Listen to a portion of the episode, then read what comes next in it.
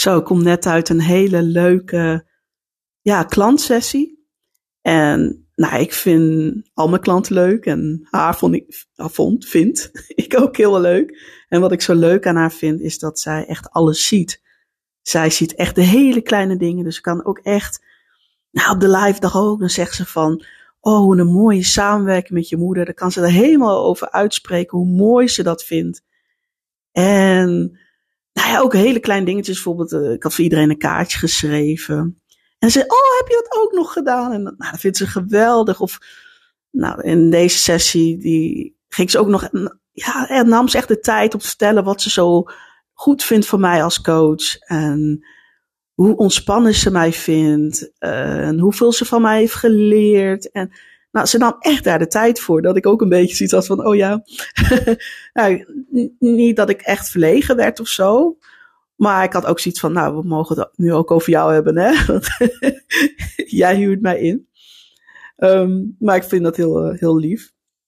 Nou, zij gaat een boek schrijven en dat is ook de reden dat ik um, deze podcast opneem.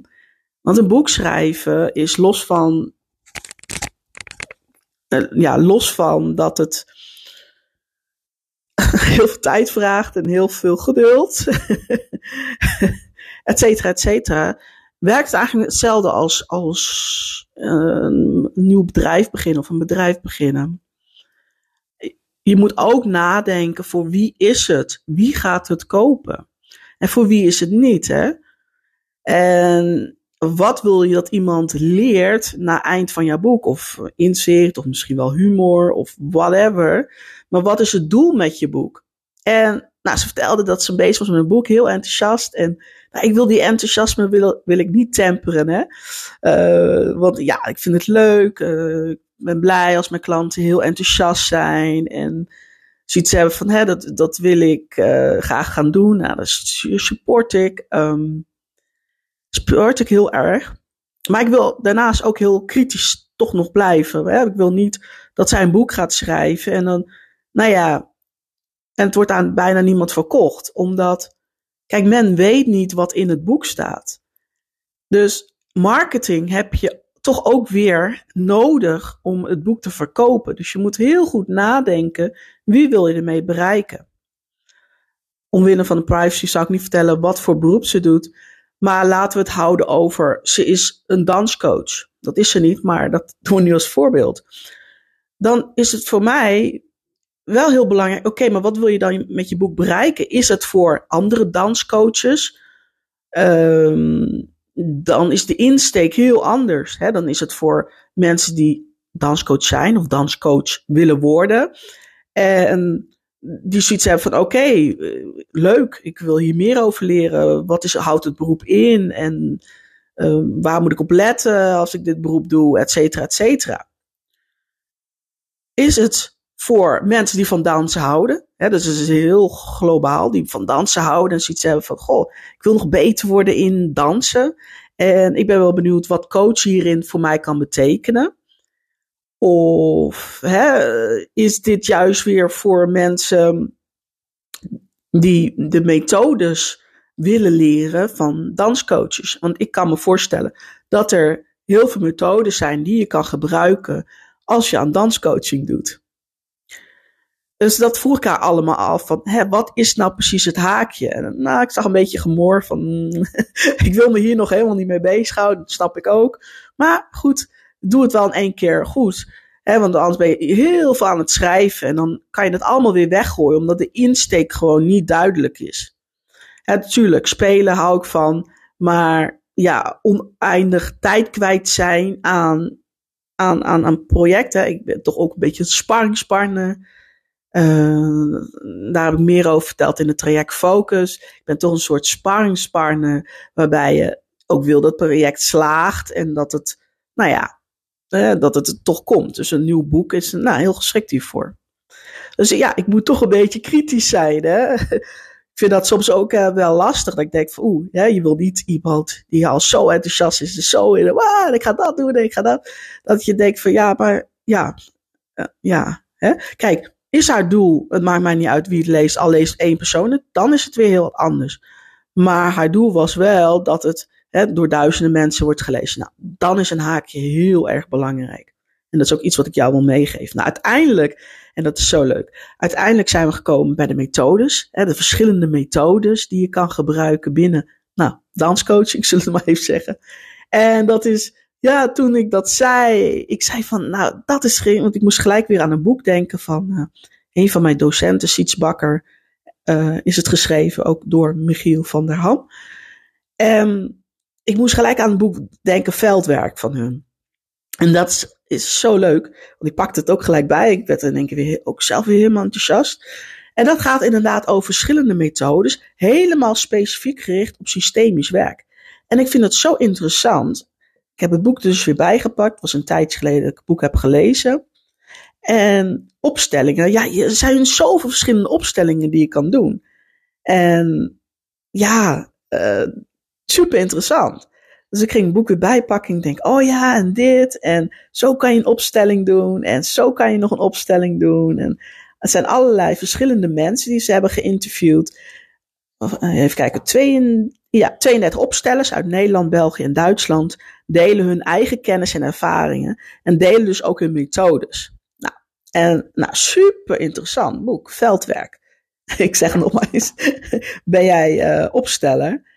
Ja, ik bedoel, dan kun je kijken van, oh, uh, soms is die opdracht misschien wel handig, die opstelling wel heel handig om te doen. En soms denk je misschien weer, nou, deze draagt nu hè, beter aan bij. Uh, ja, uh, super. Uh, ik, ja, ik heb het nu ook even bij me. En de lemmenskaatloop, die vind ik zelf ook interessant. Dat doe ik ook wel eens met klanten. En het is vooral geschikt voor um,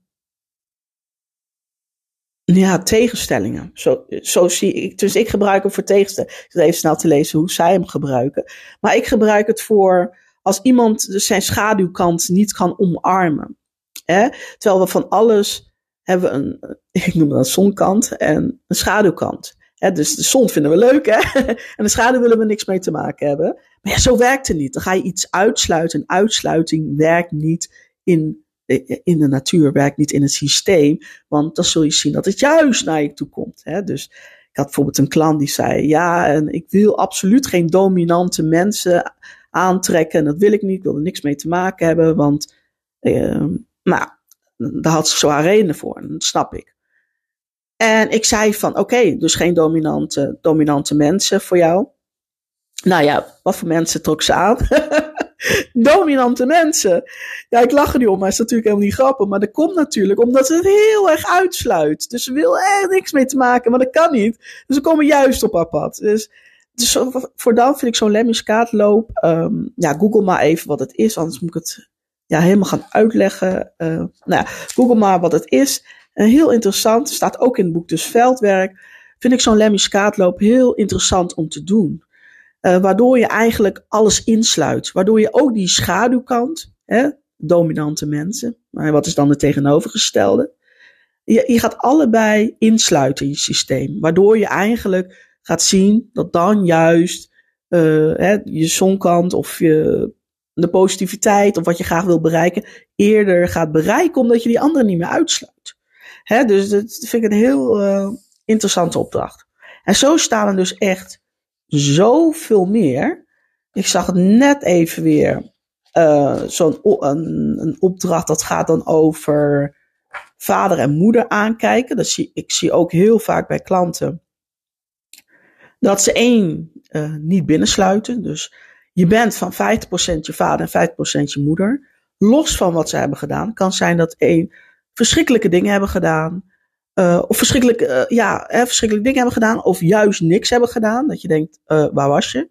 Heel af afwezig zijn of wat dan ook.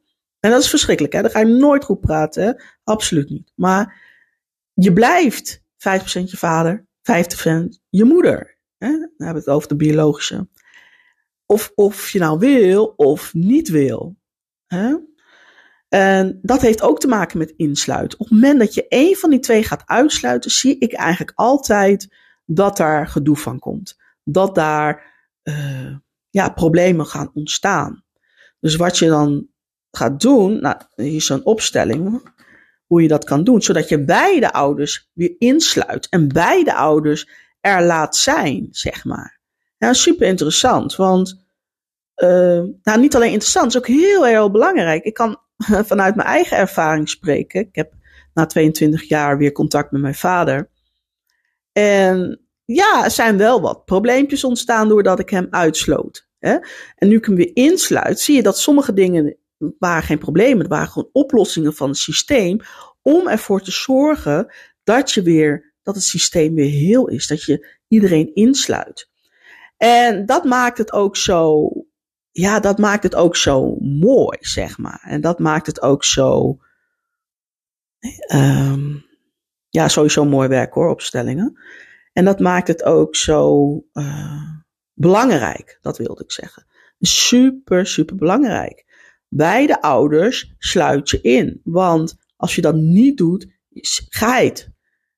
Het systeem gaat, uh, het systeem waartoe je behoort, in dit geval de familie van herkomst, gaan problemen veroorzaken, waardoor jij als het ware dus, uh, en dus eigenlijk zijn het oplossingen van het systeem, hè, want die wil dat weer heel wordt, Waardoor je dus in één keer problemen gaat ervaren als uh, onrust of je voelt je nergens bij thuis horen of je gaat bepaalde verslaving ontwikkelen of nou, noem het maar op. Hè, puur om ervoor te zorgen, het systeem wil dat jij weer heel wordt en dat, dat systeem heel wordt bedoel ik. Hè, waardoor je vader er wel weer bij hoort of je moeder of uh, je opa en oma, wie ook wordt buitengesloten. Dus iedereen hoort erbij. En ook al hebben ze misschien dingen gedaan dat je ja, nooit zou goed praten, uh, ze horen er toch nog bij. Ja? Dus dat vind ik, uh, ja, zulke opdrachten is heel interessant. Maar goed, het boek Veldwerk is dus heel erg geschikt als je zelf opstellen bent en denkt, goh, nou, ik ben een beetje uitgekeken op de standaard opstellingen die ik doe. Er zijn nog zoveel meer opstellingen die ik kan doen.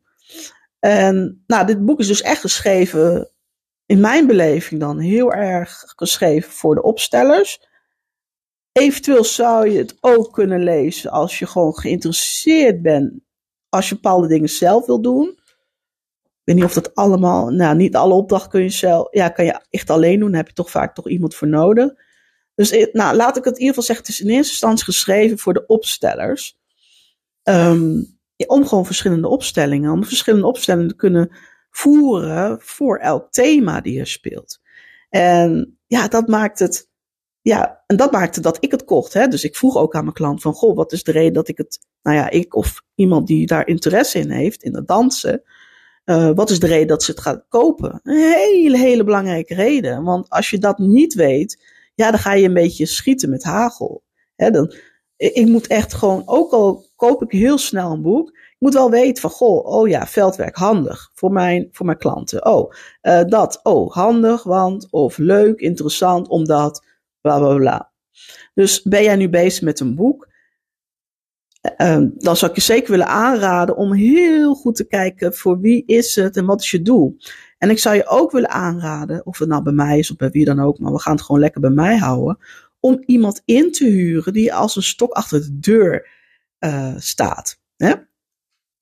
Zodat jij bijvoorbeeld je boek, een nieuw bedrijf, een nieuw tak, uh, andere klanten, andere prijzen, wat je ook gaat doen, dat je iets gaat doen zonder dat je te veel wordt afgeleid. Zonder dat je toch denkt van, hmm, ik ga toch wel liever met iets anders bezig, want dit is een beetje eng, hè? Zo ga je op den duur denken. Of het boek dat je denkt van, ja, dat is niet zo belangrijk. Of uh, wat nou, wat nou als niemand het goed vindt? Of is het wel goed? Of de anderen zijn beter? Of hè, al dat soort gedachten gaan meespelen, waardoor je sommige projecten niet eens van de grond komen. Dat zul je bij jezelf ook wel uh, erkennen. En dan zou ik iemand willen inhuren. Ja, ik heb natuurlijk ook mijn eigen mensen die ik inhuur, elke uh, vakexperts, et cetera. Maar in dit geval zou ik dan iemand inhuren waarbij jij zoiets hebt van, goh, die kan mij steunen en die kan mij, ja, die kan echt voor mij zijn, zeg maar. Die kan er echt voor mij zijn, zodat het project uh, echt van de grond komt. En nou ja, als ondernemer hebben we vaak een beetje haast. Het duurt allemaal te lang. En het gaat vaak ook sneller. Hè? Het gaat vaak sneller. Het scheelt je heel veel tijd. Het scheelt vaak geld. Hè? Want je moet nagaan wat het kost als je het nog niet doet, et cetera.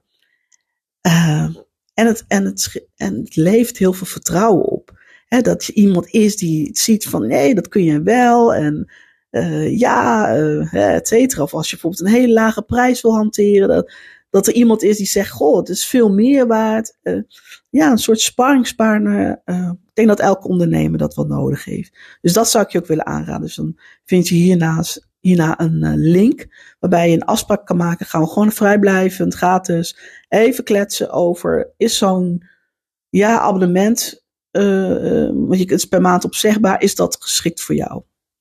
of niet? En dan zou ik eerlijk mijn mening geven. En dan kan ik er wat over vertellen. En dan kun jij kijken waar je hulp bij nodig hebt. Of ondersteuning. Of een stok achter de deur. Of een adviseur, et cetera.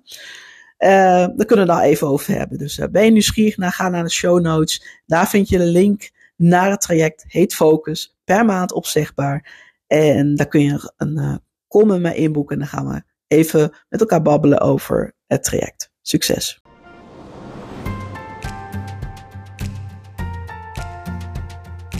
We zijn weer aangekomen bij het einde van deze podcastaflevering.